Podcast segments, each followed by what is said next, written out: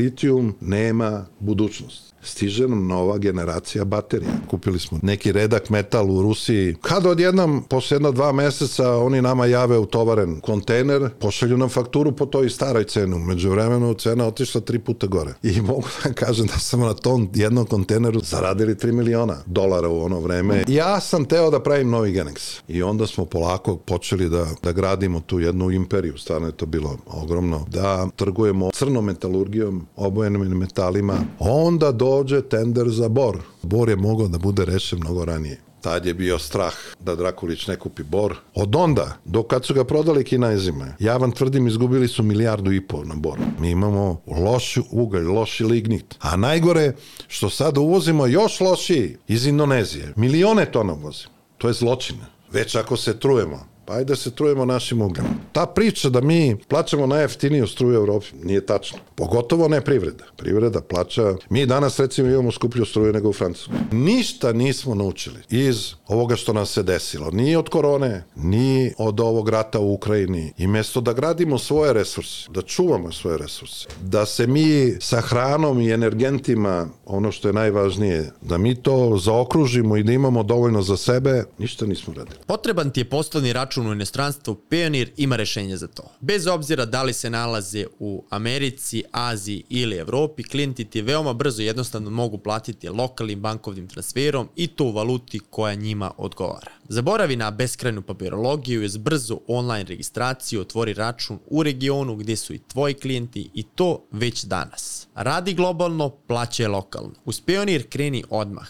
Registruj se preko linka koji se nalazi u opisu ove epizode. Naučite kako da programirate, kreirate sajtove, razvijate iOS i Android aplikacije i steknete znanje i veštine sa kojima možete startovati uspešnu IT karijeru. Kvalitetno stručno znanje, sertifikovana obuka, raznovrsnost kurseva samo su neki od razloga zašto je Quantox Akademija lider u svetu IT edukacije. Odaberite neke od 11 kurseva i obezbedite sebi znanje koje vam pruže širok spektar mogućnosti za različite IT poslove. Ukucite kupon Biznis Price na njihovom sajtu i obezbedite popust dobrodošlice. Link se nalazi u opisu ove epizode. Naš partner je i kompanija za kućnu dostavu Volt. Dok gledate epizodu, častite sebe nekom dobrom klopom. Napravite profil na aplikaciji ili sajtu i ostvarite 3 puta 200 dinara popusta za prve tri naručbine uz kupom Biznis Price.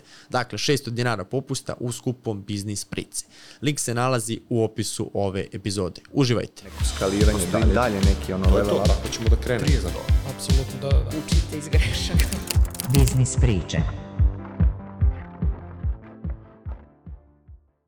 Dobrodošli u najgledaniji biznis podcast u regionu. Ja sam Vladimir Stanković. Danas u gostima imam gospodina Zorana Drakulića, osnivača Point Group International i predsednika privrednog kluba Privrednik. Zorane, dobrodošli u biznis priče. Hvala veliko što ste me pozvali i nadam se da ćemo nešto pametno da kažemo danas. Kako ne, zbog toga smo tu. Da. Karijeru Da. ste započeli u najjačem jugoslovenskom preduzeću, Genexu. Yes. Li to bio ubedljivo, ubedljivo je najjače preduzeće bilo tada? A u to vreme je to bilo nekako najatraktivnije. Ja, ja sam po završetku pravnog fakulteta imao sreću da je moj otac bio jedan od vodećih ljudi u tada tek osnovao na Aviogenexu i onda sam ovaj uh, zahvaljujući toj vezi tada nije bio problem zapošljavanja možda kao danas ovaj međutim ovaj u tako jednu veliku firmu ovaj nije bilo lako ući a pogotovo što sam ja odmah ušao u jedno elitno odelenje to je bilo takozvana Genex banka u stvari preko koje su se prelivale sve najvažnije transakcije Genexa u to vreme u svetu. Ne samo znači u, u, u, u bivšoj Jugoslaviji, nego uopšte u svetu. Tako da ovaj, imao sam šansu brzo da naučim mnoge stvari i relativno brzo sam i otišao u inostranstvo. Znači, od 78. od kad sam se tamo zaposlio u februaru mesecu, čini mi se, ovaj, već 80. godine uh, sam bio poslat u London, a to je bila tada neka običaj u Genexu da ljudi pre odlaska u inostranstvo odu šest meseci da usavršavaju jezik otprilike prema onoj zemlji gde, gde ste bili opredeljeni. Tako da sam proveo šest meseci u Londonu. Tamo je bio jedan veliki, isto jedan od najvećih punktova Genexa i ovaj, eto, usavršio sam jezik, vratio se i već početkom 82. godine bio sam poz, poslat na jedno vruće područje, to je Bejrut. Ovaj, tamo je bila centrala Genexa koji je kontrolisao poslove na Bliskom istroku i u Africi, dela, delam Afrike.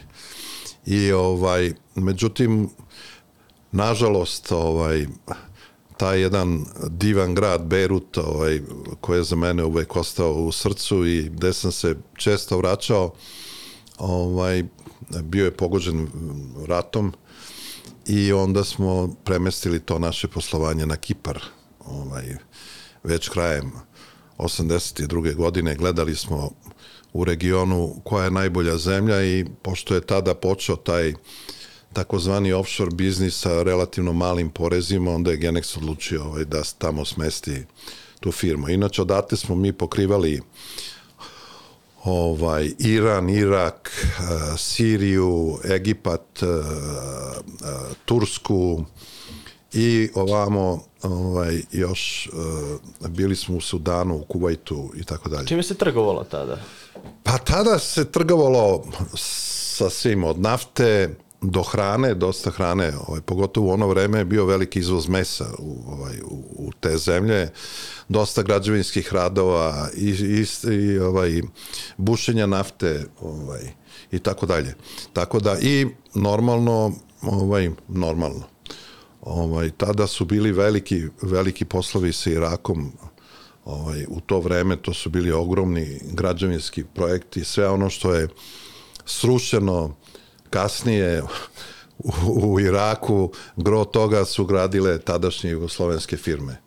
Tako da ovaj, ovaj, nije ni čudo da su se koliko ja znam tada i Amerikanci pojavili u energoprojektu da vide šta su sve gradili na kojim mestima da dobiju te šta podatke. Šta mogu da gađaju. Da, i normalno kod slovenačkih hrvatskih firmi, to, to su tada radili veliki jugoslovenski konzorcijum, radilo se o projektima od više milijardi, ovaj, tako dalje. Inače, u to vreme smo napravili najveći, ja mislim, izvoz, najveći ugovor o izvozu oružja ikada, tada su prodati ovaj, tenkovi ovaj, u Kuvajt, ta vrednost posle je bilo skoro pola milijarde. To je preko to je isto, išlo? To je isto išlo preko to, te naše firme, odnosno preko Genexa, koji je tada sarađivao sa SDP-om. Koliki ovaj. promet u tom trenutku imao Genex, tim godinama, najjačim godinama? A znate šta, tu su sad razne firme, razne cifre, zato što se to multiplikovalo. Znate, vi ste recimo, šta ja znam, naša firma e, povuče naftu, pa ona onda proda našem punktu jednom, a onda onaj proda opet nekoj trećoj firmi da, na tržištu i tako multiplikovano, ali u suštini promet je bio između 3,5 i 4 milijarde dolara godišnje. Da, I zapošljavali smo naj, da kažem, onoj najvećoj ekspanziji Genex se zapošljavao skoro 5,5, hiljada ljudi u Beogradu. Iz jedne male zgrade na Dorčalu, ovaj, gde sam ja počeo da radim, prešli smo onu kulu na Novom Beogradu, ovaj, koja je sad skoro prodata, i ovaj to je bilo sasvim popunjeno, bilo je toliko popunjeno da smo imali čak i naše uh, pojedine uh, u ono vreme to su se zvali ovuri, znači pojedine da kažem uh, delovi naše organizacije koji su bili na drugim mestima. Bili smo i u Sava centru, bili smo ovaj, i po gradu, po raznim mestima, tako da nije mogla ta zgrada ni da smesti ovaj, kompletnu tu našu operativu.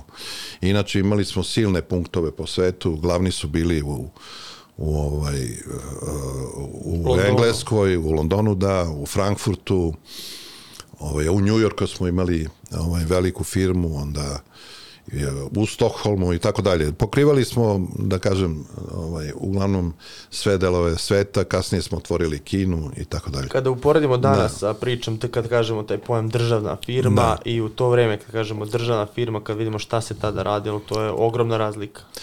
Pa znate šta, Genex, kad kažete državna firma, mi smo imali relativnu slobodu u trgovanju. Mi smo, da kažem, e, e, tu je verovatno e, bilo skupljeno najbolje ono što postoji u, u, u, u što je postojalo u ondašnjoj Jugoslaviji. Mi smo povlačili ljude iz pojedinih proizvodnih, da kažem, preduzeća i slali ih, slali ih u naše punktove.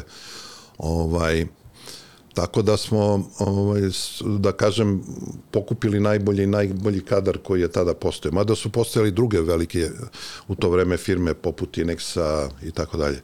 Da ne spomenjem, bilo je par slovenačkih firma i hrvatskih i tako dalje, ali najveći deo tog posla je u stvari išao preko Genexa i mogu da kažem da je gro tog posla rađen faktički sa bivšim Sovjetskim savezom. Odakle smo mi u ono vreme Sovjetski savez je bio relativno zatvoren, e, tako da su oni koristili firme poput nas da dođu do onih roba do kojih oni da kažem malo teže su dolazili na zapadno tržištu. Znači mi smo uglavnom iz tog bivšeg Sovjetskog saveza vukli sirovine od nafte, bakra, aluminijuma, da kažem, svih tih nekih e, lako utrživih roba, a njima smo uglavnom prodavali robu široke potrošnje ovaj, koja je tada falila u bivšem Sovjetskom savezu od oduč, o, odeće, obuće, nameštaja i tako dalje. Koje ste veštine tada ispekli u Genexu, na terenu? Pa znate šta, ja sam ovaj, prvo u ti, te moje prve četiri godine imao sam, da kažem, tu sreću da sagledam celo to poslovanje Genexa sam bio na takvom mestu. A posle na, na Bliskom istoku to je jedan specifičan teren. Ovaj. Te Arape treba upoznati, treba znati, nisu se svi ni isto ponašali, ovaj, I onda smo imali dosta tih nekih, da kažem, ajde, dr, da, možda i državnih aranžmana, gde su se pravile nekakve robne liste i sa Irakom i sa Iranom, ovaj, gde smo fa, faktički njima isporučivali opet one robe do kojih oni nisu mogli da dođu od od lekova isto dela dela nekih sirovina kojih ne rezervnih delova i tako dalje tako da eto to su bili neki poslovi i onda tu na Bliskom istoku to je specifična teritorija u to vreme bila ona se da, oni su se danas kako da kažem edukovali to je druga priča tu je došlo dosta stranaca. Ovaj i onda su se naučili poslu, ali na početku to je bilo sasvim drugačije. Kako su ti pregovori izgledali sa Arapima? Pa to je bilo, da, to je bilo raznih tehnika. Znate, Dajte neke su, zanimljive. Pa evo ima jedna zanimljiva, jedno smo ugovarali jedan fantastičan posao koji verovatno niko nikad nije uradio ovaj sa, sa Bliskim istokom, a to je Uh, uh, povlačili smo neka potraživanja iz Iraka i onda je dogovor bio ovaj moj kolega koji je bio u nafti i ja koji sam se bavio uglavnom financijama ovaj, i ti naši ljudi iz Iraka ugovarali smo posao da izlačimo kamionima naftu preko Turske. Mislim, to je bilo, to, bilo isplativo. To je ogrom. Pa gledajte u ono vreme, vi kad sad to, to pogledate, ovaj, to je to je ludost, danas to verovatno niko ne bi radio, ovaj, to je bila distanca od skoro 2000 km, to su vozili kamioni od po 10 tona. Ali šta je suština bila? Nima nije bilo toliko bitno koliko će oni da dobiju za prevoz po toni nafte, koliko u ono vreme njima bilo da su, oni su svi oni su nešto švercovali, razumete? Tako da taj kamion Oni se vrati sa da, robom. On kad je išao praznim kamionom tamo, uvek su svi nešto nosili, prodavali i tako dalje, tako da je on pet puta više zarađivao na toj šverca, robi da. koju je nosio u to vreme u Irak e, nego e, ovaj što je dobio na, na prevozu i tako dalje. Ovaj, I boga mi izvukli smo preko 4 miliona tona nafte u to vreme, što je ogromna količina bila i naplatili dosta naših potraživanja i čak i smo i nekim drugim zemljama ovaj završili završili tu posao. Eto. To je zanimljiva priča I, kako ste se rešili ove sobe pune novca. Pa da, i to je, to je divna priča, jer u to vreme ovaj, tu sam priču, valjda jednom već ispričao, ali u to vreme mene baš, pošto su nama Turci vozili ovaj, i organizovali i taj prevoz kamionima i uh, ovaj, e, skladištili smo naftu ovaj, u njihovim tim nekim skladištima, dakle, kad se nakupi dosta nafte, onda dođe brod i to vozi ovaj, gde treba.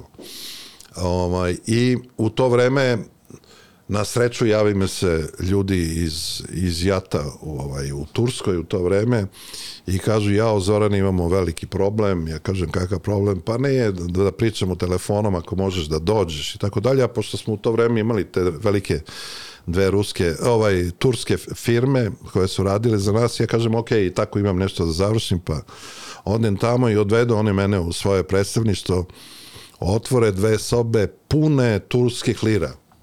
Pa ja kažem, šta je bre ovo, koliko tu ima para? Oni meni kažu otprilike nekih 2, 2,5 miliona dolara u turskim lirima. Pa ja kažem, pa što, koliko tu skupljate? Kaže, pa dve godine.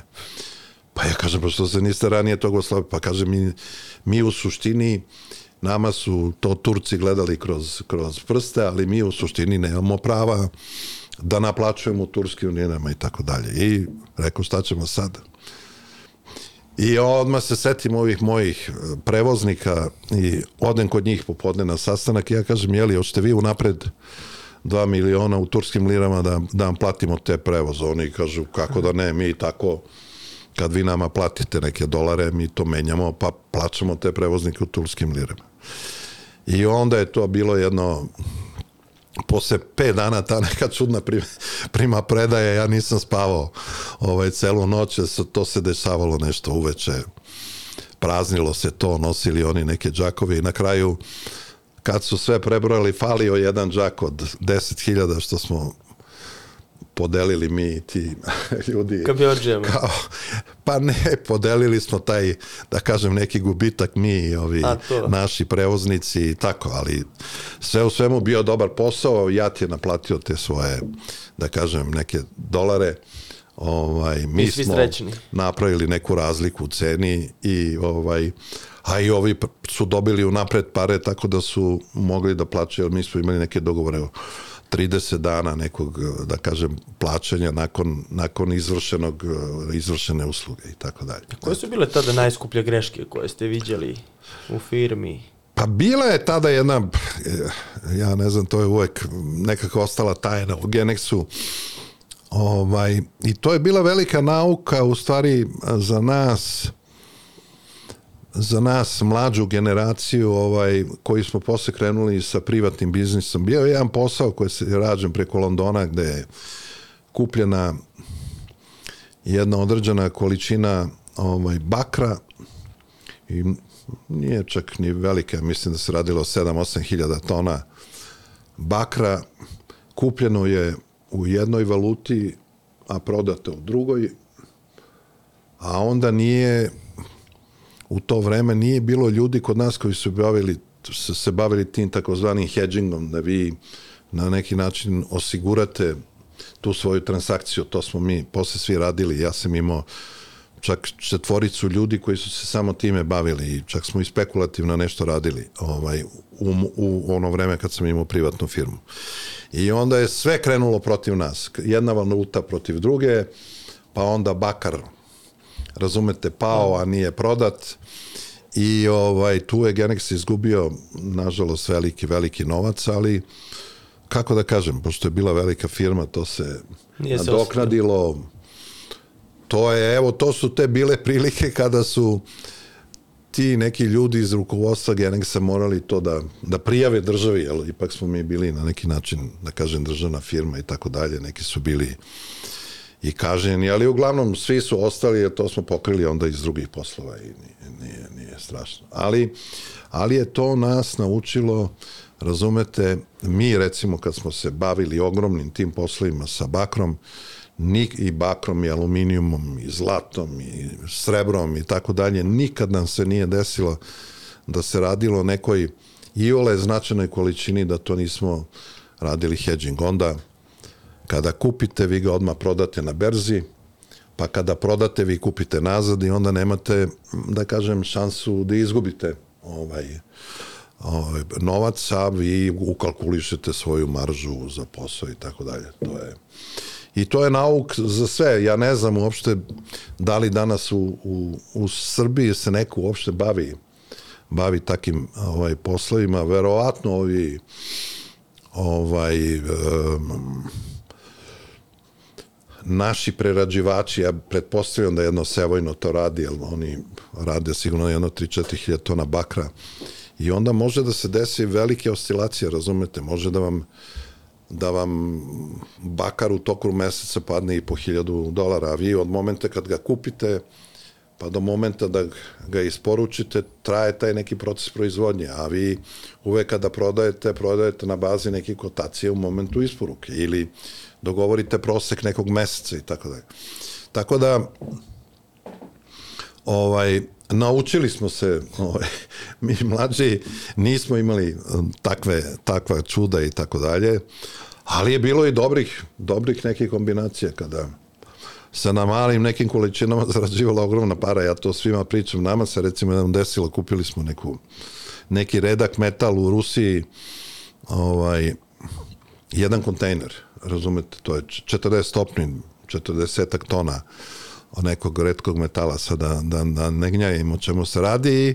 Međutim, bilo je onako klimavo, pa mi ovima koji smo prodali u Nemačkoj smo rekli, znate šta, mi hoćemo vama to da prodamo, danas je cena ta, ali vidjet ćemo šta će biti sutra. I sad nema, nema robe, nema. To je bilo iz, nekog, iz nekih uh, rezervi u Kazahstanu, čini mi se, ili negde, nemam pojma. I ovaj, kad odjednom posle jedno dva meseca oni nama jave utovaren kontejner ovaj, pošalju nam fakturu po toj staroj cenu. Među vremenu cena otišla tri puta gore. I, ovaj, i mogu da kažem da sam na tom jednom kontejneru zaradili 3 miliona ovaj, dolara u ono vreme, jer cena je išla, kad da kažem, nama u prilog, ovi Nemci, ovi nisu znali to. Da Nemci, ne, pa Nemci nisu znali sad, pošto smo mi to kupili, ali mi smo rekli, znate šta, oni su evo sad isporučili, oni nam traže da to plava, pošto je bio deficit u tom metalu, kao što i danas deficit mnogih tih redkih metala, onda i ovaj, nisu teli jednostavno da izgube tu šansu da kupe. I oni su imali sigurno neku svoju uobičajenu maržu na toj ceni, jer verovatno i oni nisu smeli da prodaju, jer nisu znali da. još da li je ta roba tu. I tako da smo, da kažem, svi dobro prošli. Ali to je, to vam se desi redko, razumete? Ali da mora baš, da se iskoristi. Obično onda kad ne, ne, ne uradite ono što treba, onda ide tržište protiv vas. Eto. Je to ova situacija skoro što je bila sa Niklom, kad je otišao u nebesa? Pa Nikal je otišao opet iz gluposti.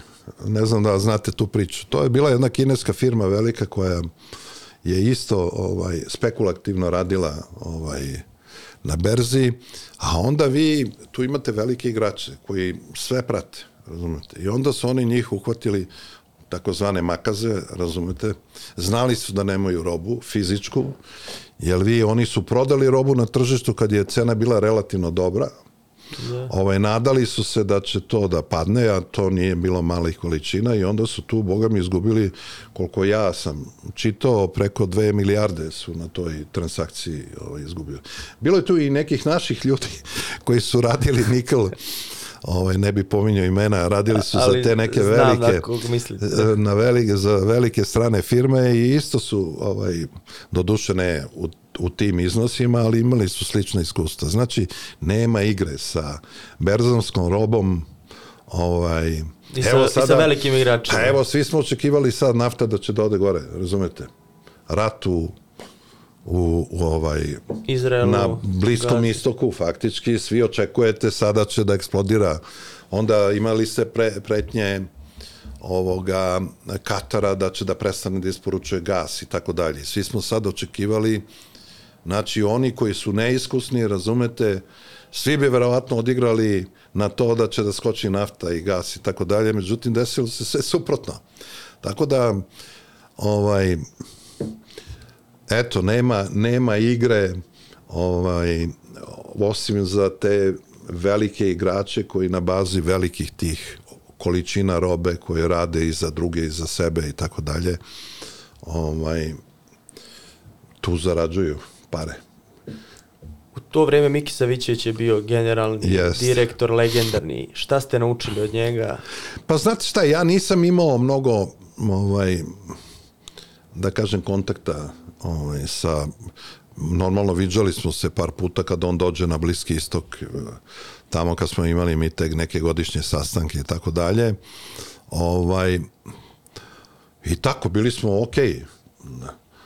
On je uvek govorio daj čuvajte tog malog, nemoj da ga, da ga pokvare i da nam ode odavde. Ja, ovaj, a onda je bio jednom jako ljut, ja kad sam bio u Beirutu i tad je bio taj, taj neki sastanak, ovaj, jel je tad došlo i do smene rukovodstva na, na čelu tog Jugo Araba, onda on došao i video mene, ja vozim neki veliki Buick.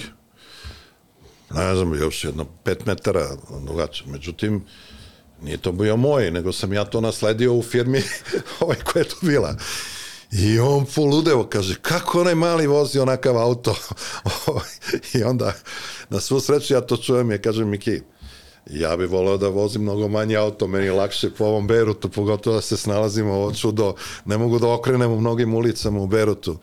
Ovaj, dajte nalog direktoru da to promeni, ja sam rad da uđem i u manji auto. I tako mislim, ovaj, bilo je tu svega, ali je bila je jedna interesantna stvar koju ne znam da li sam ikada rekao, tada je mene je tada vodio potpredsednik ovaj, Genexa, neki županjevac čuveni, ovaj, on me odveo u Berut i onda proveo sa mnom 7 dana da, da mi objasni neke stvari i tako dalje. I onda je on meni ispričao jednu interesantnu stvar ovaj, koja je ovako malo simpatična. On kaže, Zorane, u Genexu kaže ti možeš da izgubiš pare na poslu.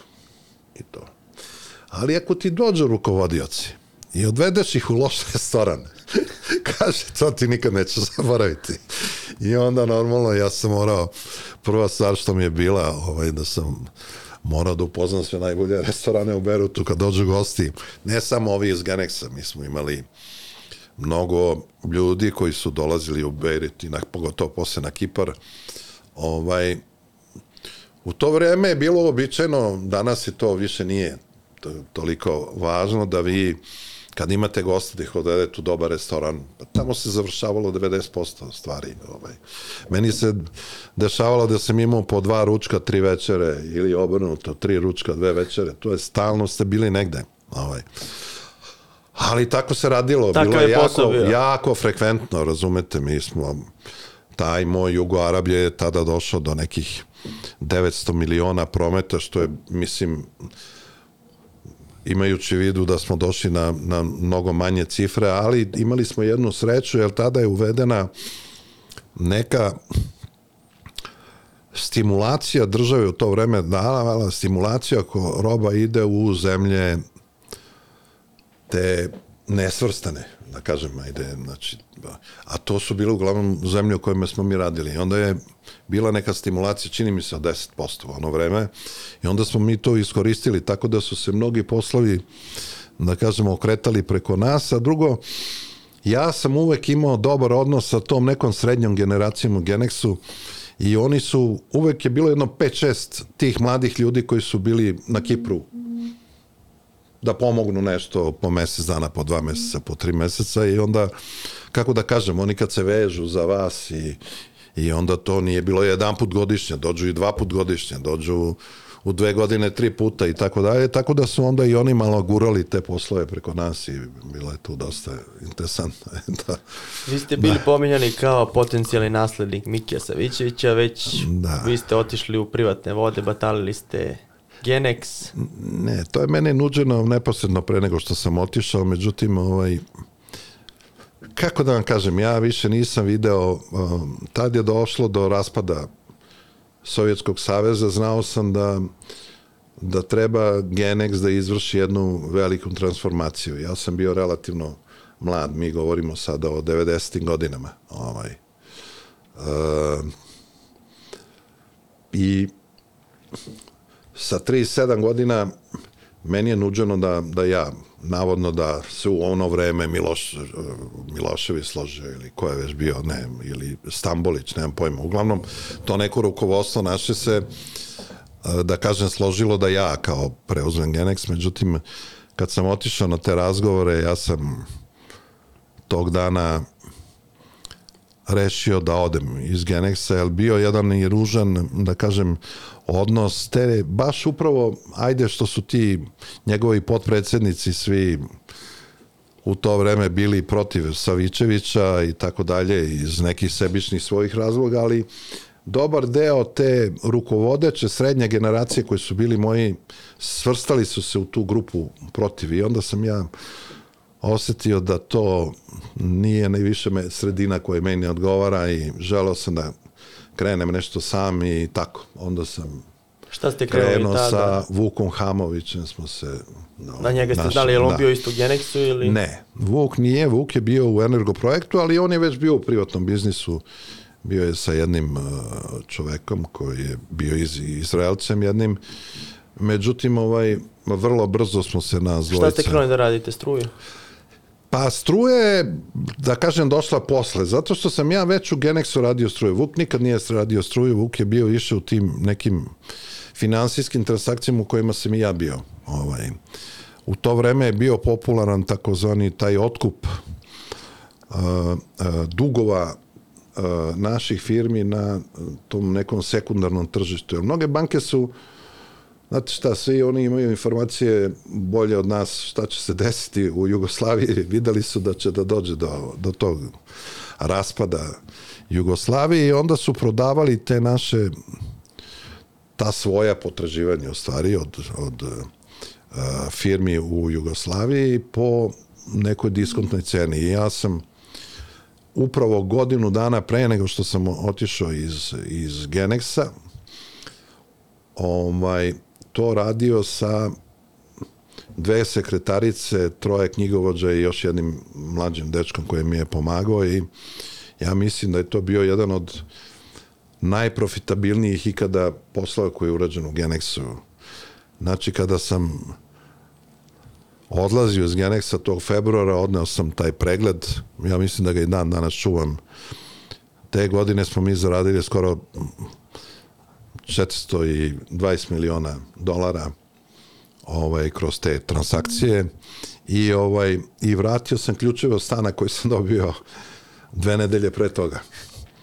Ovo jednostavno, kako da kažem, bilo mi je nekako glupo i, i bez obzira što mi nismo imali bonuse na to, danas vi u nekoj firmi kad privatnoj kad uradite take neke poslove dobijete veliki bonus, razumete, u to vreme to nije bilo moguće u Genexu. Ovaj, I ja sam i tako trebao da dobijem stan, jer sam već bio tamo 12 godina ovaj, i to vreme kad sam se vratio iz inostranstva, živio sam u, u, u stanu od jednog kolege koji je u inostranstvu, to je bilo uobičajeno. Međutim, dobijem ključeve od svog stana nov, nov na Novom Beogradu i tako nešto mi je bilo kaže, Zoki, zaradit ćeš valjda za stan nekada u životu i, i vrati mi te ključeve i tako je bilo mi baš onako drago posle što sam to uradio i odem da živim u jednoj više spratnici u 29. novembra dok nisam sam zaradio da, da kupim sebi neki stan. E, ste krenuli sami tad ili ste poveli nekog Ne, ne, ne, tad sam privatne već- vode? Ne, tad sam, to je već, to je već bila druga faza, to je, znači u to vreme smo bili Vuk i ja praktički sami smo radili, imali smo još tamo neke, da kažem, sekretare, pr- pravnike i tako dalje. Ovaj, I onda polako je krenula i ta struja da se radi, koju sam ja radio dosta velike posle još u Genexu. Ovaj, prvi sam počeo da taj, sa tim nekim velikim izvozom struje naše prema Italiji.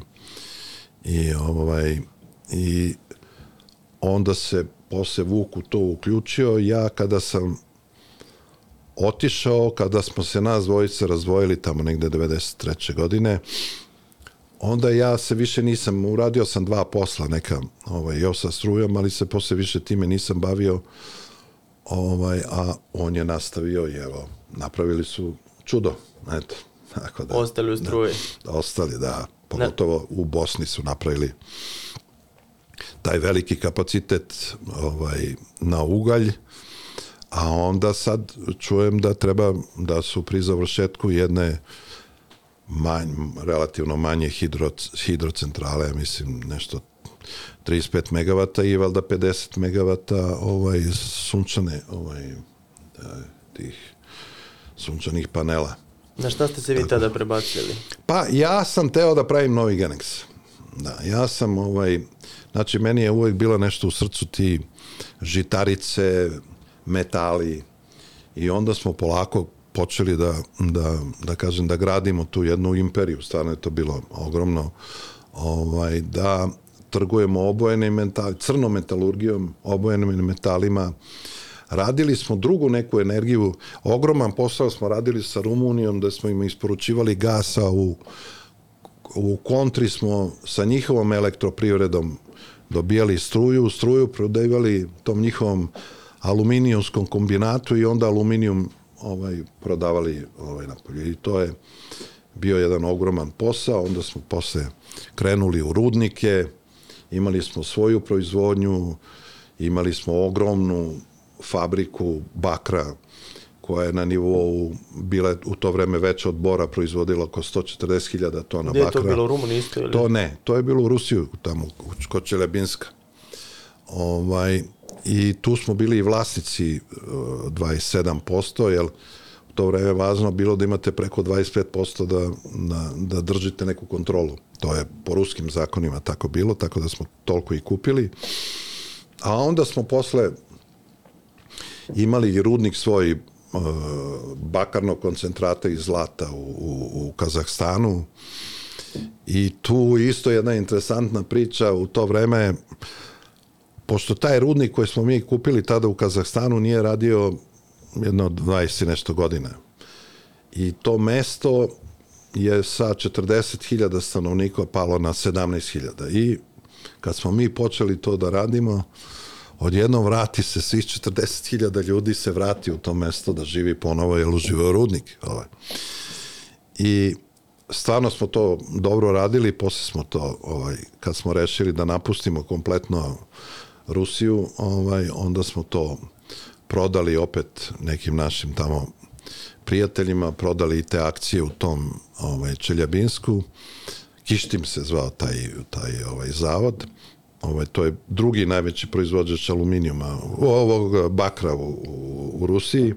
Vi ste tad na vrhuncu da. imali preko 6000 ljudi, preko milijardu prometa, je li tako? Bilo? Da, da. Ali to je bilo sa svom tom logistikom kojim smo imali umeđu vremenu. Znači, to je bilo u to vreme bilo je ovaj tri rudnika faktički koje smo kontrolisali, onda taj uh, veliki zavod u, u, u Rusiji, onda ovde barže, pa onda posle fabrike kablova Sevojno sa 2500 kad smo ušli unutra je skoro 3000 ljudi i tako dalje. Ajde da, smo mi to, da, dođemo do, da dođemo do tog trenutka, sad mi je malo da. nerealno sa ovog, da kažem, ta 93. Da. godina, odvajate da. se, krećete i sad smo već došli do 6000 zaposlenih. Kako je to išlo, kako je to pa raslo? to je sukcesivno išlo, nije to odjednom. Je li bilo neki, da kažem... Gledajte, mi smo u, u suštini tada krenuli od toga da smo imali kancelariju na Kipru, kad smo se Vuk i ja odvojili i imali smo tu kancelariju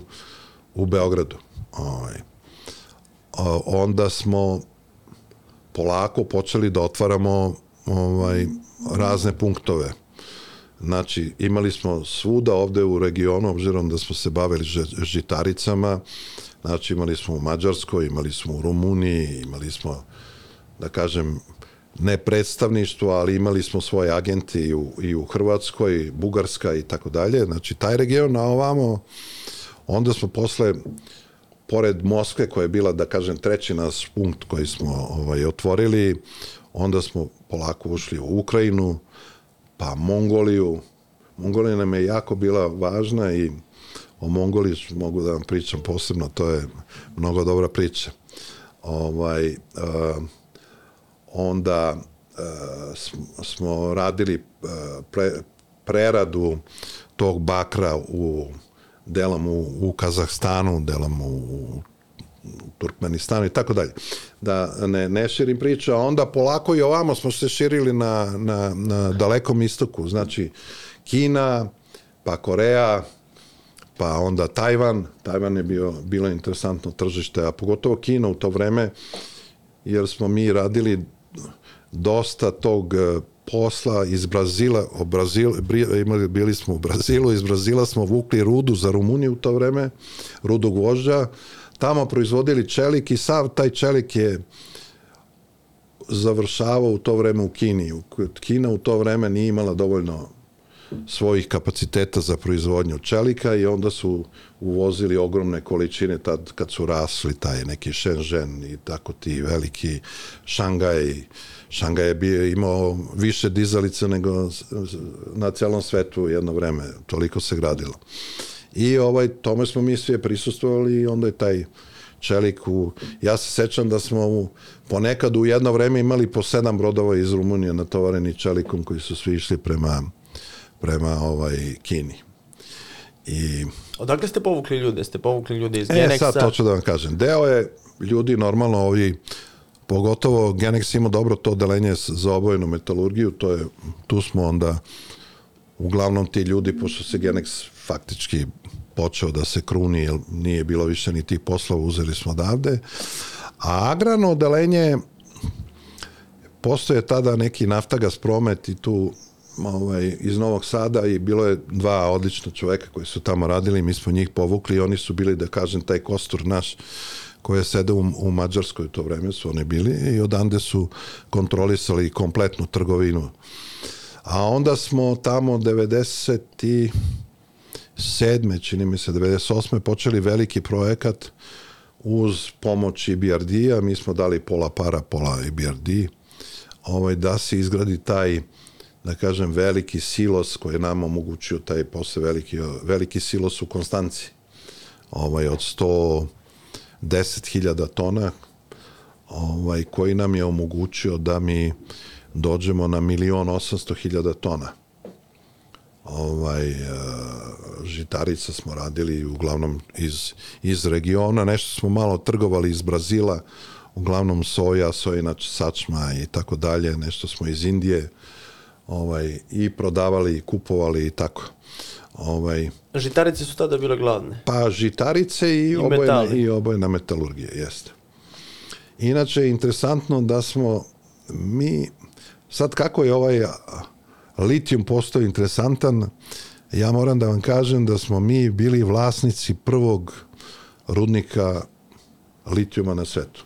Ozbiljno, gde je to bilo? To je bilo tamo na granici ovaj e, Rusije i Kine. I ovaj to je bio jedan rudnik, ali nije imao on samo litijum, on je tu je bilo još i nekih drugih metala i tada u to vreme litijum nije bio uopšte toliko interesantan i mi smo odande izvlačili neke druge, druge ovaj, redke metale i ovaj i onda smo ga posle četiri godine prodaje su tamo bile ekstremni uslovi za život. Znači, imali ste zimi minus 40, a leti plus 40, a onda dođete, recimo, ja odem u julu da ih posetimo, ono u fabrici, dva metra leda koji ne uspe na plus 40 polju da se otopi tokom, tokom leta.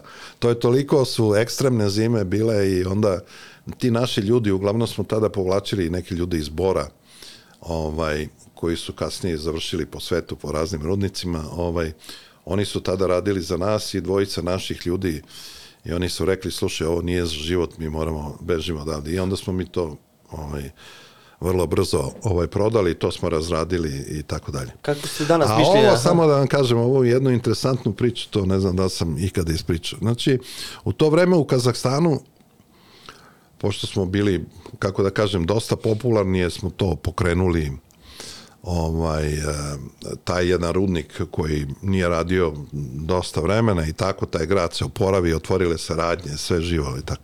Dosta je tu bilo zlata u toj rudnji, tako da smo malte ne više para dobijali od zlata nego od bakra.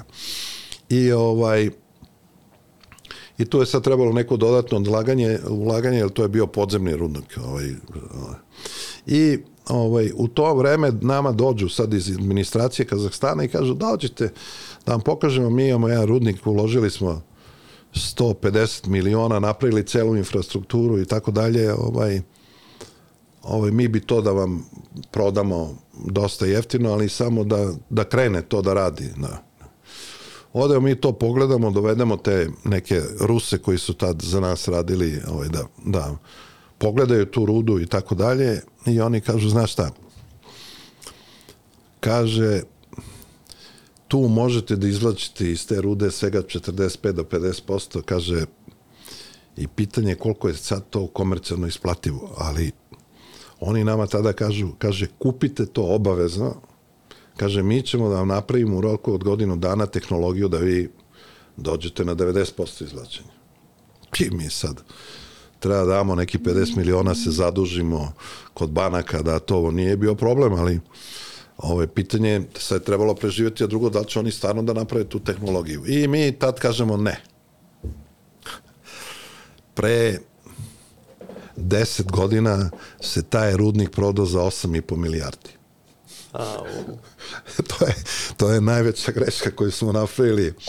Ovaj, normalno, tehnologija se uvek, kako da kažem, našli su tehnologiju ovaj, da, kako da se to izvlači i tako dalje i to nam je bio takav propust ovaj, neverovatno. Znači za 50 miliona 8,5 milijardi ovaj, posle 6-7 godina ti neki koji su to posle kupili posle nas su ovaj, prodali ga nekim velikima i tako dalje.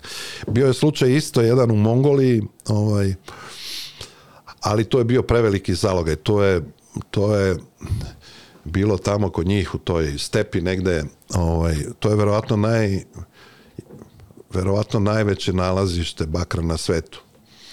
I ovaj, to nam je isto nuđeno, međutim to su bile milijarde ulaganja i to čak i jedna američka firma koja je posle uh, nas ušla u to neki Ivanho ovaj, mučili su se jedno 6-7 godina, ja sam ih sretao po tim nekim kongresima, ovaj, nisu uspeli da skupe pare, ovaj, ali to je bilo stravično i to je bilo odma možda 80 km od kineske granice, što je Kina je danas, da kažem, najveći potrošač tih ovaj, obojene metalurgije i to je bilo fenomenalno. I pravo da vam kažem, evo ne znam ni dan danas sudbinu toga, ali to su bile milioni tona i u velikom procentu je ovaj, bila, e, bio bakar u rudi, govorimo o dva i preko 2%, što je, mislim, fenomenalno ali ovaj, kad su nam pokazali to nalazište i sve to, posle Amerikanci, kaže, zeznuli ste se, trebali ste samo da stavite nogu, kažu, ovaj, i tako, ali nije bilo ni pruge, nije bilo ni vode, nije bilo ničega. Sve to moralo da, se graditi. Sve je bilo. A kako izgleda sad, kupujete rudnik, kako to izgleda? Našli ste rudnik koji hoćete da kupite, kako to sa bankom? Pa vi dogovarate, faktički morate prvo da do, do, dogovorite sa vlasnikom, ko je, ako je država vlasnik, onda sa njom dogovara. Ono vreme je u tom bivšem tim bivšim republikama Sovjetskog saveza to bilo relativno lako, jer oni nisu imali znanje, nisu imali ni para i tako dalje. Nisu imali ni mnogo investitora koji su bili spremni. Mi smo, kako da kažem, ja sam imao dva partnera moja koji su proveli u tom regionu, obojica su bili direktori Genexa ovaj, godinama u Moskvi i oni su imali te dobre veze i tako smo mi dolazili ovaj, do toga. Drugo, posle su se ti naši ljudi, mi smo imali u Moskvi kancelariju, bilo je 40 ljudi, oni su se, kako da kažem, rastrkali po, tom, po toj Rusiji, putovali s tim avionima koje pola sedi, pola stoji, to je čudo bilo. Ali kako da kažem, napravili smo dosta, dosta velikih, velikih Jel tu ono, uz pomoć banke se to kupuje, kako se pravi ta finansijska pa, konstrukcija? Pa uglavnom smo, da, uglavnom nešto smo kupovali iz svojih para, ovaj, koliko smo imali, a uglavnom vas je pratila banka, jer u ono vreme, danas se to malo izmenilo, uopšte ta, to finansiranje, ovaj, te, to trgovačko finansiranje, to malo, ba, malo banaka danas to uopšte radi. Razumete, po, pobegli su od toga, mnogi su, kako da kažem, opekli se. ušli, opekli se i to je danas mnogo teže. U ono vreme, moje vreme, to je bilo, kako da kažem, lako. Relativno, mi smo imali dve, tri banke, taj BNP, pa posle jednu holandsku. BNP je francuska banka, ali mi smo radili preko Ženeve. Tu je bio taj taj njihov trgovački deo. Imali smo kreditne linije po 150-200 miliona u ono vreme, nije to bilo problem kad oni znaju šta radite. Drugo, oni su voleli, bili su ti neki mlađi ljudi koji su, evo, nisu voleli dođu da vide to, da opipuje kad oni vide kako to izgleda i tako dalje.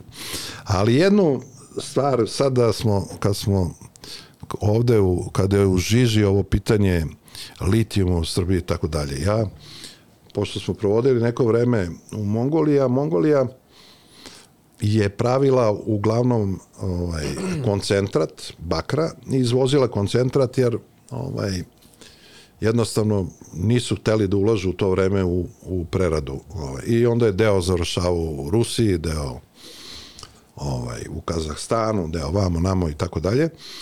I ovaj, mi smo tu bili dobri i radili smo dosta tog ovaj, koncentrata sa njima. A onda oni su nas odveli jednom u tu njihovu fabriku, jer ja sam bio maltene najbolji prijatelj sa tim direktorom ovaj, fabrike i uvek kad je dolazio u Evropu morao sam da idem sa njim na te pregovore njegove i tako gde god je išao, jer voleo da bude sa mnom i tako. I, ovaj, I onda nas je odveo, oni su radili u jednom delu jednu količinu bakra godišnje, ne znam, 3-4 hiljada tona i to su radili takozvanim luženjem. To se radilo sumpurnom koselinom o kojem mi pričamo danas. Ne do Bog da da mi ikada to uradimo. To je spržena zemlja. To ne možete da... Ja kad sam to video, ja sam rekao, pa šta radi? Pa kaže on, slušaj, ovo je stepa, mi nemamo, ovde i nema reka ispod, nema ništa. Mada je to bilo kao obezbeđeno sve nekim posebnom plastikom nekom i tako dalje, ali sprženo ko na mesecu. To ne možete da verujete. A to je bila relativno mala količina o kojoj mi ovde govorimo o hiljadu i po, dvelja tona dnevno, mislim, to, je, to su stravične količine i to, to bi nam uništilo, da kažem, ekologiju i tako da. Pogotovo danas, ja moram to da kažem, i pričam to ja već godinu i nešto dana, stiže nam nova generacija baterija. Znači, litijum nema budućnost. Znači, evo, Kinezi su pre, ja mislim, dve, tri nedelje prvi auto pustili na takozvani natrium ionske baterije, to vam je sone baterije, ovaj, koje su budućnost, razumete, one su razložive, one ne mogu da eksplodiraju, one, kako da kažem, e, rešavaju problem ekološki i sve to i drugo, mnogo su jeftinije, pogotovo sad za ovu stvar koja nas čeka, a to je deponovanje energije iz solarnih ovih panela. Znate, to je, to će biti onaj ko to bude radio, ja stalno se zalažem da se to da priva, privatnicima da rade. Zašto da, ok, neka država uradi tu bistricu, neka ona deo te energije iz vetroparkova i tako dalje balansira i tako dalje. Ali, recimo, neko da je vama da oko Zaječara, recimo da smo mi, da imamo tu svoju fabriku i tako dalje, neka me on meni da da ja balansiram tamo struju. Kupit ću 100 baterija, 100 megavata baterija i onda ću ja da punim te baterije strujom kad ima viška, a kad fali struje, ja puštam iz baterije ili puštam iz tog, tog mog sistema kontinuiranu energiju u jednom određenom vremenu koje ne treba da se balansira onda.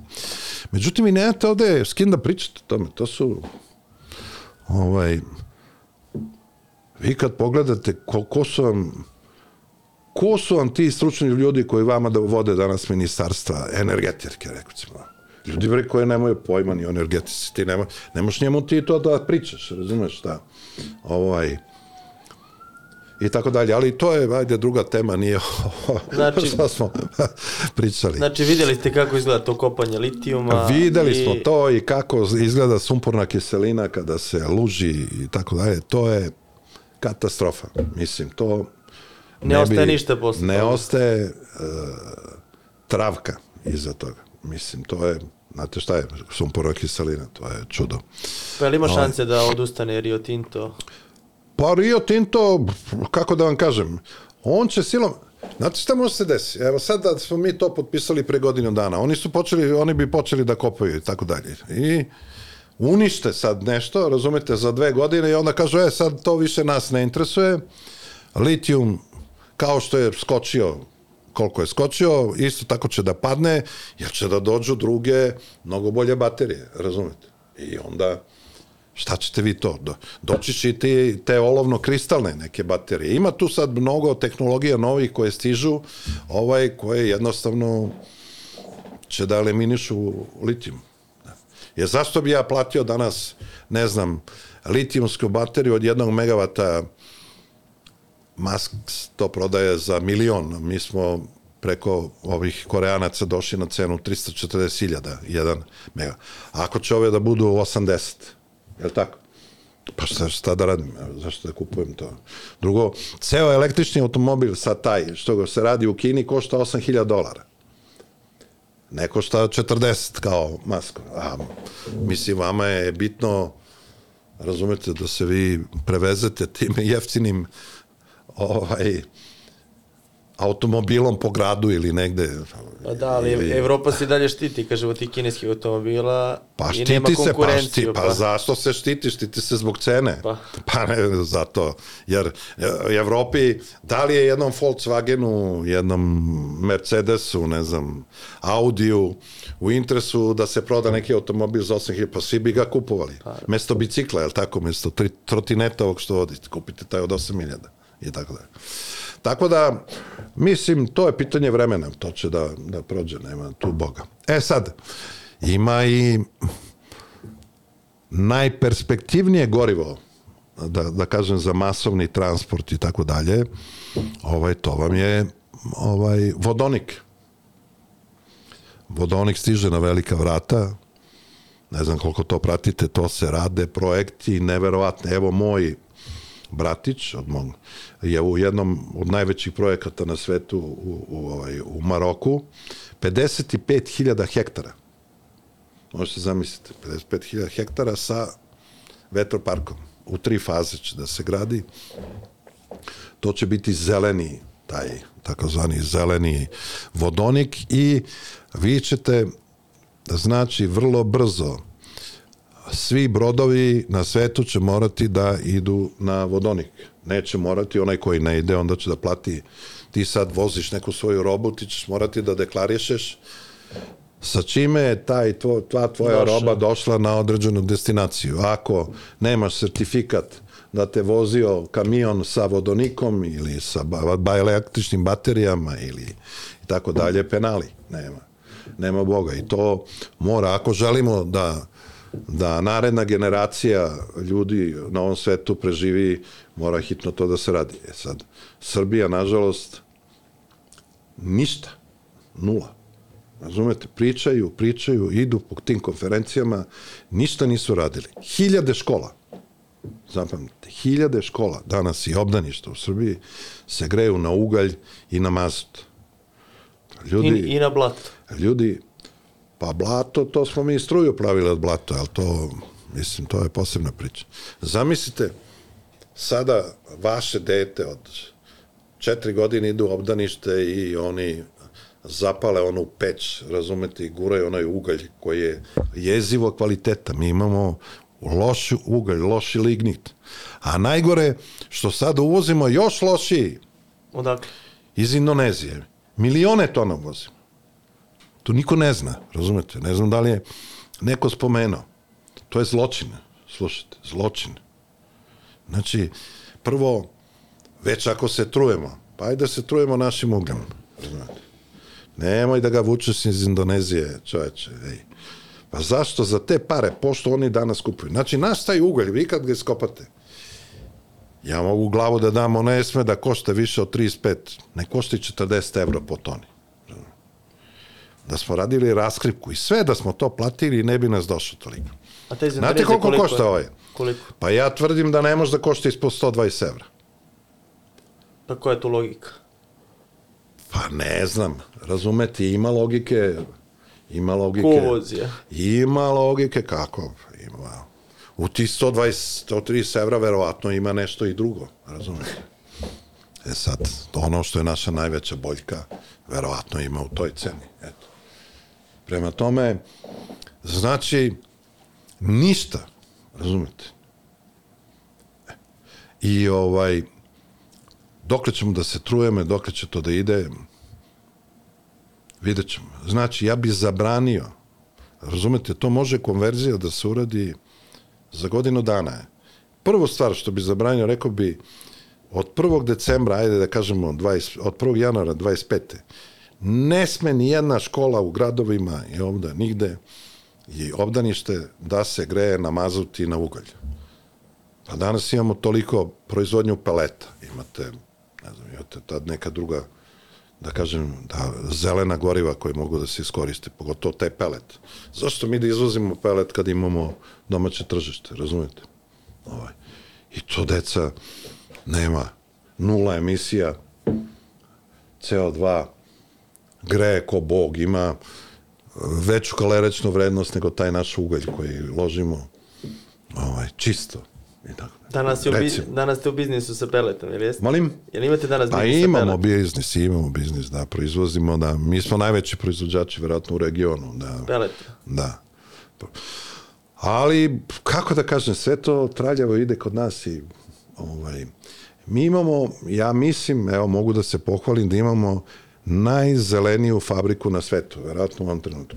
Pelet. Znači, ne, znači nije to samo pelet. Mi imamo, mi imamo elektranu koja radi na otpadno drvo. Znači sve ono što bacite vi neko drvo ili ove pilane što im ostane drveta ili mi kad krunimo ovaj drvo kad pravimo specifično ovaj onu koru i tako dalje sve to ide u u ovaj da kažem taj naš kotao koji proizvodi 8,5 megavata toplote koji ide na sušaru gde mi sušimo ovo drugo drvo koje sameljamo i tako dalje koje ide u pelet.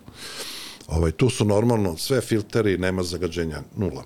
Znači, nema ono kao kad prođete tu sad pored ovoga, ovih kineza što pravi čelik, pa kad vidite one ođake, ono purnja kod nas nema. Nema filteri sve. Ovaj, I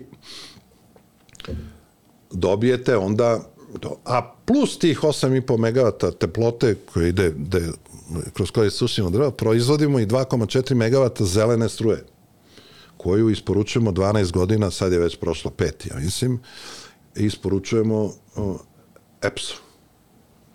I to je ta zelena struja koja... A gdje se nalazi fabrika? To je, Boljevac, to vam je 35 km pre Zaječara i Bora, ovaj, na tom putu. Ovaj.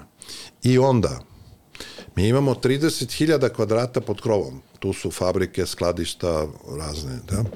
Svi krovovi su Panel. pokriveni solarnim panelima. Proizvodimo 3 megavata isto.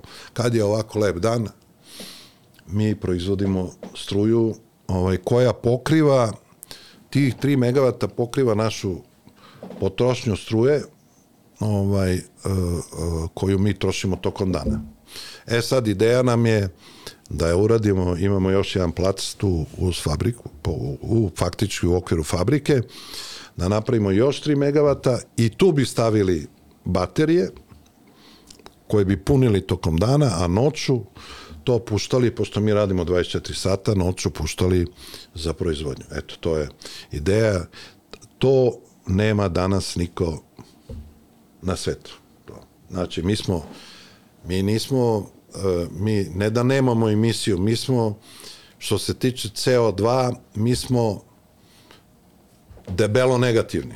Da kažem negativni u smislu U pretplati. da u pretplati možemo da prodamo nekome taj svoj, da kažem, taj svoj kredit u CO2. A trenutno je problem što ne postoji to skladištenje liti baterije, već sve mora da ide Ne, u mrežu. ima skladištenja, ali one su skupe.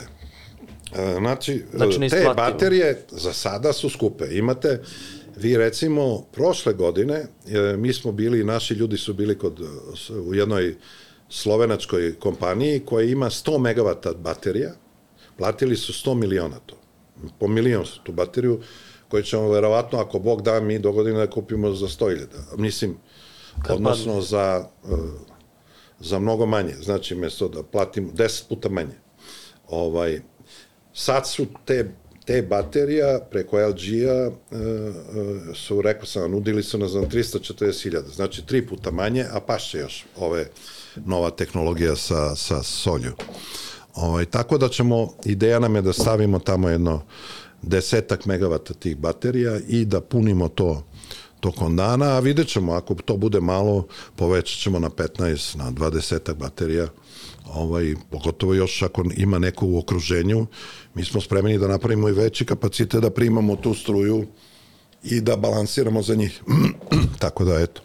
Pričali smo Ovaj. sad i o rudnicima širom sveta, šta, Da. šta ste tad kupovali kao Da. firma, šta ste u Srbiji kupovali? Ste pravili tad fabrike, šta ste Pa radili? u Srbiji smo, ha, kako da kažem, mi smo, kad se desilo sve ovo, otišao Milošević, dugo smo proveli u inostranstvu, razumete, ovaj, i onda smo rešili da mi to polako ovaj, smanjimo neke poslove i drugo i da deo kapitala uložimo ovde u Srbiji, onda smo kupili, prvo smo kupili Sevojno, teli smo i aluminijum, ovaj, odnosno bakar, Sevojno bakar, pa smo teli da kupimo i aluminijum, onda smo kupovali dosta tih e, skladišnih e, kapaciteta za žito i žitarice i, i ove mlinove i tako dalje.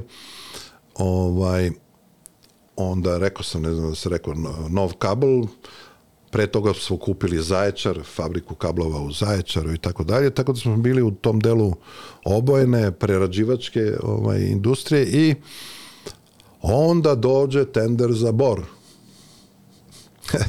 to je interesantna priča, Bor je mogao da bude rešen mnogo ranije. Koje to godine, o kojoj pričamo? Mi pričamo sada u vreme, to je bilo u vreme Koštunice, tamo 2005. 6. tako nešto. I mi nađemo partnera, jednog indonežanskog našeg partnera sa kojim smo radili i prijavimo se. Bili smo drugi. Dođu neki Rumuni, mi pošto smo u Rumuniji imali ogromnu kancelariju tamo, ovaj, mi znamo da tu Rumuni nemaju veze, nemaju para tih i tako dalje i normalno oni bili kao prvi, dali neku garanciju, ne znam koliko, i u, otpadnu. Nema, ništa.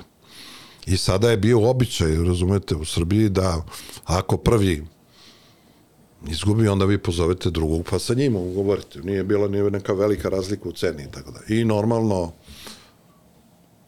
tad je bio strah da Drakulić ne kupi bor, razumete, pogotovo moj veliki prijatelj Koštunica.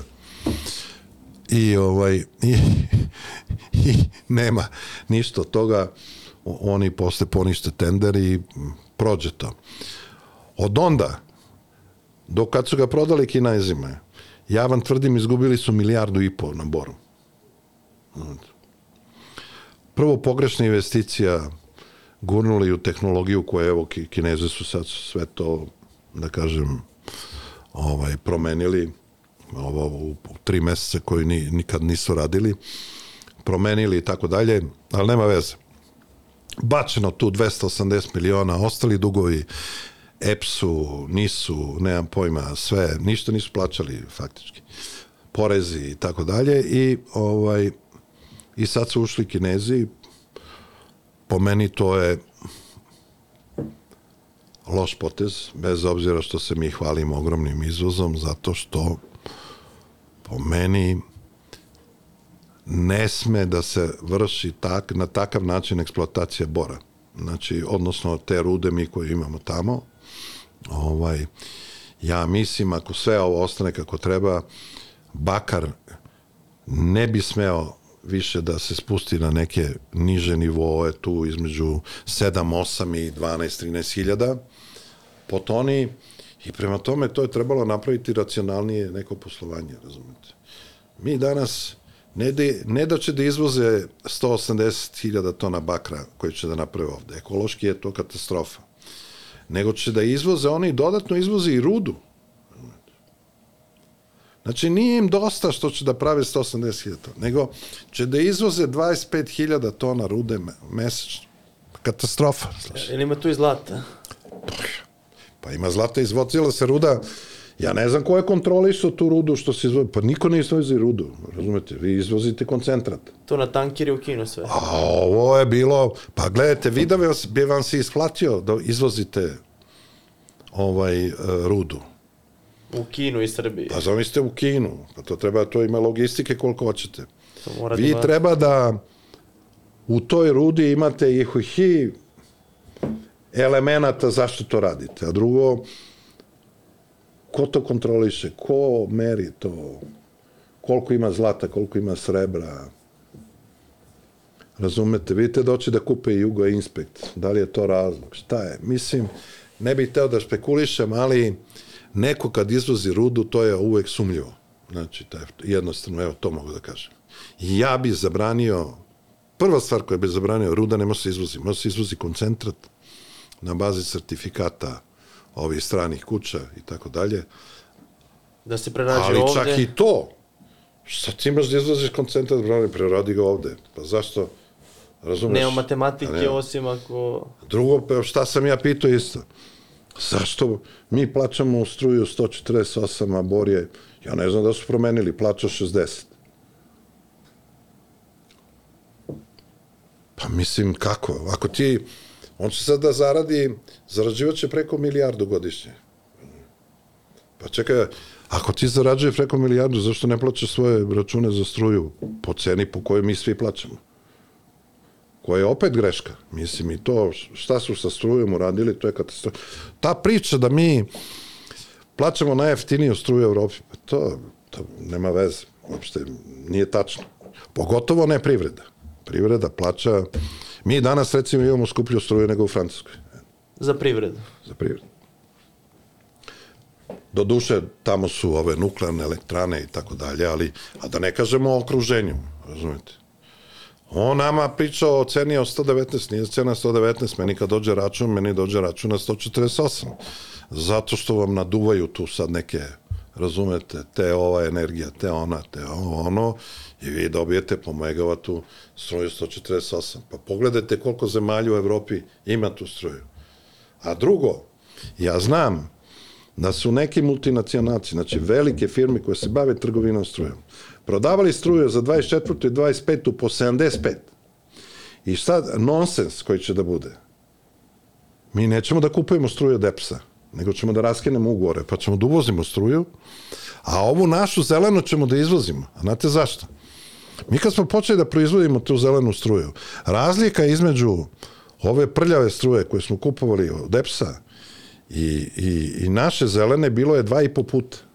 Mi smo danas izjednačeni. Cena zelene struje koje mi proizvodimo i tog džubreta od struje koje kupujemo iz, iz uglja 70%, 30% džarda učestvuje tu i ovaj, da kažemo, obnovljivi izvori, kako to može da bude ista cena? Razumete? Nema šanse. Ali, nažalost, I to sad vi govorite o nekoj politici, pa nema para, znači, samo vaš džepare na svakoj...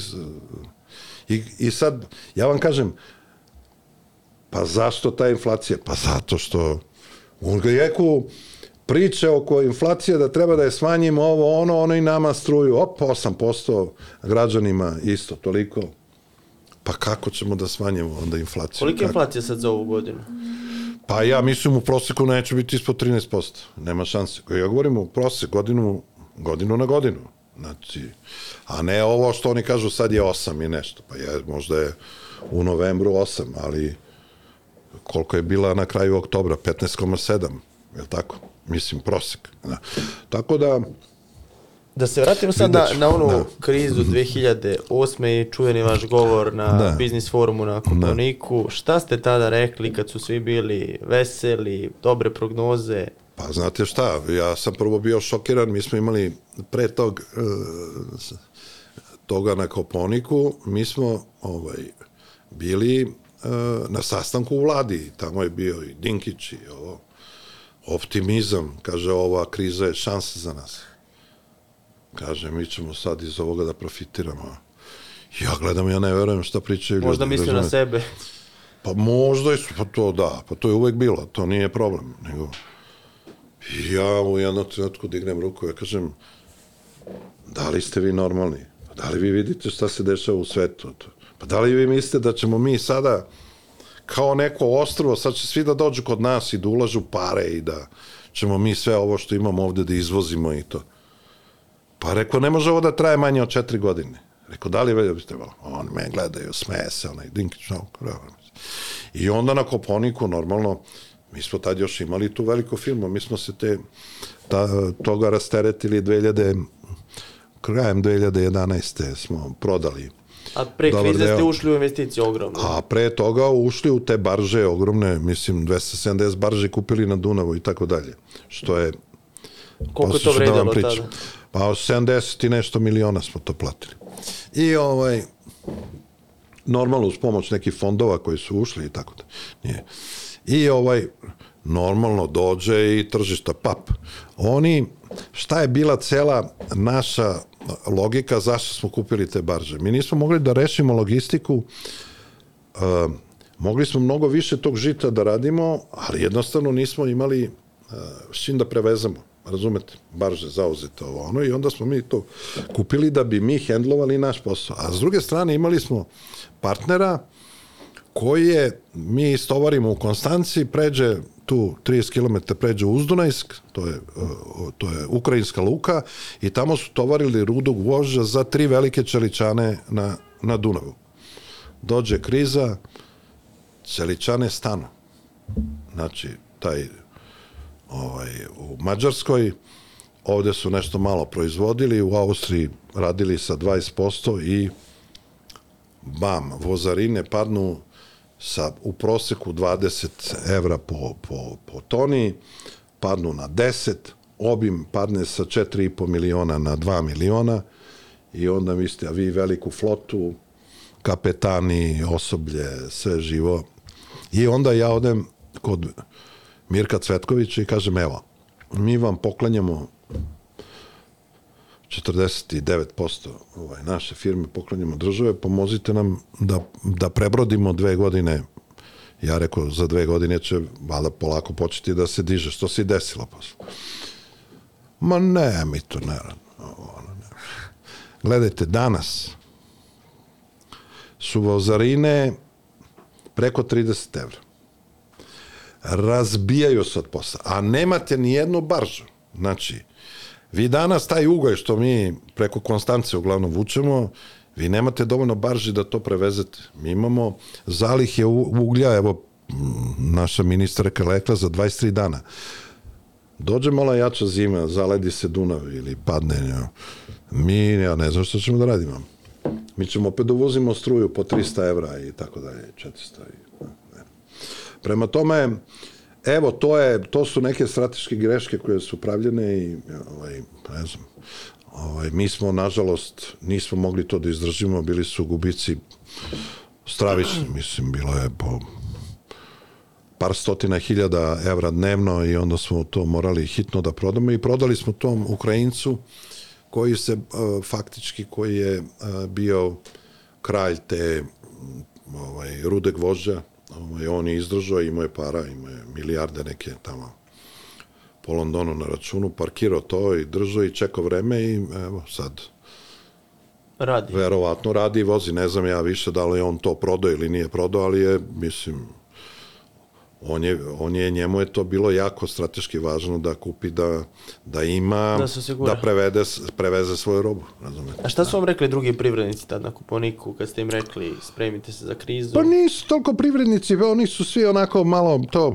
kako, gledali podsmešivo kao, evo ga, ovaj ne spava, kao ima love, a ne spava. Ja kažem, nije sve, ti gradiš neku firmu i sad to treba da ti propadne, razumeš? Što delom smo mi tada i, kako da kažem, i morali da se odreknemo nekih svojih aseta da bi preživeli. I to je normalno u poslu, desi se i šta da radimo, ali kad imate toliko zaposlenih, kad treba svakog meseca isplatite 5-6 hiljada plata, ovaj, kada ste u nekoj industriji koja je u krizi, razumete, niko neće kupi ni metale, neće kupi ovo, neće kupi ništa, razumete, kao što mi ni ne znamo još šta nas čeka, mislim, ova kriza e, nije gotova, ništa, Ili još ništa, nismo videli? ništa nismo naučili, razumete, iz iz ove ovoga što nam se desilo, ni od korone, ni od ovog rata u Ukrajini i tako dalje. I mesto da gradimo svoje resurse, da čuvamo svoje resurse, da da se mi sa hranom i energentima, ono što je najvažnije, da mi to zaokružimo i da imamo dovoljno za sebe, Ništa nismo radili. Šta je trebalo da naučimo i izvučemo iz tih? Pa treba upravo to. Da znamo šta nam je strateško ako dođe još veća kriza. Ko, na, ko nama garantuje verovatno neki ljudi koji to od mene znaju bolje kažu ovo će sa Izraelom da se, da kažem, sredi. U ukrajinski rat, evo više o njemu i ne pričaju, razumete, očigledno tu postoje neki dogovori, karte se dele i tako dalje, nadam se. Znači, ali ko zna, evo sada opet čitamo pandemija korone kreće u Americi, 10.000 ljudi dnevno ide u bolnice i tako dalje. Pa čekaj, zaokruži čoveče svoje privredu. Da li, da li je neko pobrojao šta za tu krizu nama treba da ovaj narod bar preživi? Pa mi unisli smo tu poljoprivredu, unisli smo stočni fond, mi uvozimo meso, uvozimo... Pa to je ne, nedopustivo, ljudi. Nedopustivo. Razumeš? To, to ne sme da se desi. Drugo, ja tvrdim da mi energetski možemo, možemo da se da se šta pravimo ga, ok, imaš gasnu konekciju i tako dalje, a ko ti garantuje da sutra zbog nekih svojih interesa nećete oceku i kažu nema za vas ni gas, nema ni vama Bugarima, vi ste u Evropi i ovo nema, presečeni ste, mi nismo razumete, mi imamo nešto svoje nafte malo i tako dalje, ali ono što tvrdim godinama već, to je, nama je kroz to poljoprivredno neobra, zemljište koje ne obrađujemo, mi možemo da rešimo svoju energetsku situaciju, da se cela zemlja greje i da proizvodi struju šest meseci kroz to brzo rastuće bilje. Treba nam 250-300 hiljada hektara, mi je ne obrađujemo milion. I rešili smo svoju energetsku situaciju u Srbiji. Nema. Boga. A sad ova situacija sa gasom iz Azerbejdžana, je li to neko pa distanciranje od Rusije sad, ili... Pa ne, to je, gledajte, to je nas Evropa, sad, kako da kažem, na, nas gura na alternativne izvore da postanemo što, da kažem, nezavisni od, od ruskog gasa. A, ali to je pitanje sad, prvo koliko toga gasa ima, mi definitivno ne možemo da rešimo svoju situaciju sa 400 ovaj miliona kubnih metara ovaj gas. Znači to je 400 to je ekvivalent 400.000 tona nafte. Mi trošimo pet puta toliko, je tako? Koliko, koliko ja znam, četiri, pet puta toliko. Prema tome, znači, a pitanje je da li će da dođe svih tih 400 ovaj, i tako dalje. A sad, vidjet ćemo kako će to da, da funkcioniše, u svakom slučaju nije loše da to postoji, ali ali to nije opet vaš izvor, razumete, može neko baci bombu, može, razumete, digne u vazduh, kao što su digli taj severni tok. I onda nema gasa. Šta ćeš, šta ćeš da ložiš, ljude? Nema. Mislim. I, ali o tome niko ne razmišlja, nažalost ovde niko nema neku strategiju na 10 godina, na 5 godina, na ovo, ono. I ovaj, tako ćemo i da živimo, šta da ovaj. Životinjarenje. Eto.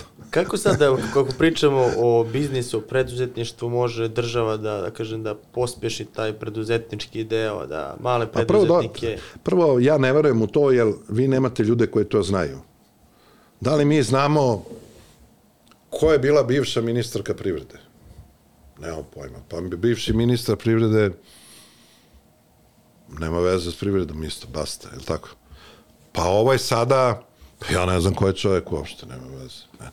I vi prvo treba da dođe neko ko se u to razume i koji to može da radi, ali ti ministri ja sad, oni se postave tu po nekoj političkoj, razumete, i, ovaj, i ni o čemu ne odlučuju, razumete, ima tu neko ko je pametniji od njih, pa on odlučuje, razumete, i on pravi neku strategiju za našu privredu. I onda dovodite te neke velike multinacionalne firme i date njima 90% subvencija, a ovi naši jadni ništa. Kintu, razumite? Mi Kintu nismo dobili subvencije, ništa. Da. Uradili nešto najbolje u Evropi što postoji, verovatno na institstu. A tako mnogi naši, razumete, oni ovo naprave neku firmu i onda gledaju što pre, aj to da prodam i odo ja u svet, razumete, da živim negde na moru i da gledam more i da gotovo, nema to. Eto, tako se to ovaj, nažalost, dešava.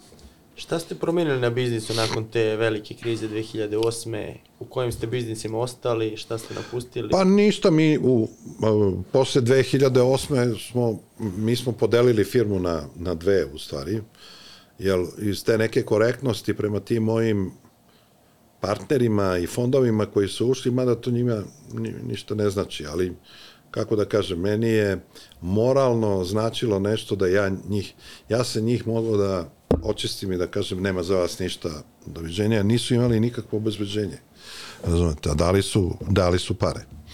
I onda ja iz korektnosti, mi smo se dogovorili ko će šta da uzme, nama su ostale neke, da kažem, eh, real estate neki, ta zgrada u Francuskoj, neke u Francuskoj ulici, onda imamo ovaj, te neke u Rumuniji smo imali fantastične ovaj, prostorije, prostor najlepši u Rumuniji, verovatno, i ovaj, onda smo ostali u, delom u ovom uh, silosima i, i u proizvodnji žita i ovo obnovljiva iz, obnovljivi izvori energije. Ovaj, to smo razvijali, tu smo gurali pare i ono što smo prodavali, sve smo uglavnom gurali u to, verujući u, u, u zelenu energiju. I evo, danas se spremamo polako da zatvoramo. Šta, za prodaju Sve ili? na prodaju, da.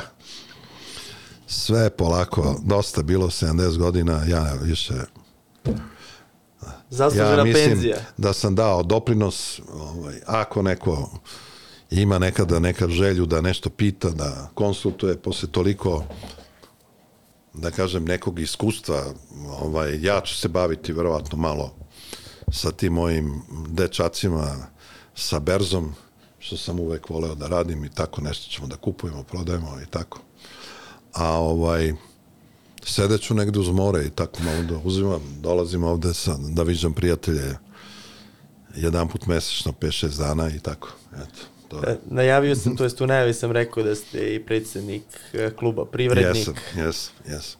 Koliko dugo vi ste jedan od osnivača, ako se ne Pa ja sam, da, ja sam da kažem, ajde, u, u toj drugoj turi osnivača došao ovaj, i evo sad sam sad će da mi krene osma godina kao predsednik, po našem statutu možete budete dve godine predsednik, pa smo onda imali, da kažem, u dva slučaja iznimku, gde su dva puta po dve godine bili, a evo meni sad produžavaju i misle da ću ja to i, i dalje da vodim, vidjet ćemo. Mislim, stvarno smo to napravili jedno mesto, ovako oazu, gde, gde ti naši privrednici i prijatelji nas, naše kluba ovaj, mogu da dođu, ovaj, dozvoljavamo i da ti neki se prave neki seminari, pošto imamo lepu salu za 60 ljudi, ovaj, i eto, i za naše neke aktivnosti, kad imamo te naše izvršne odbore,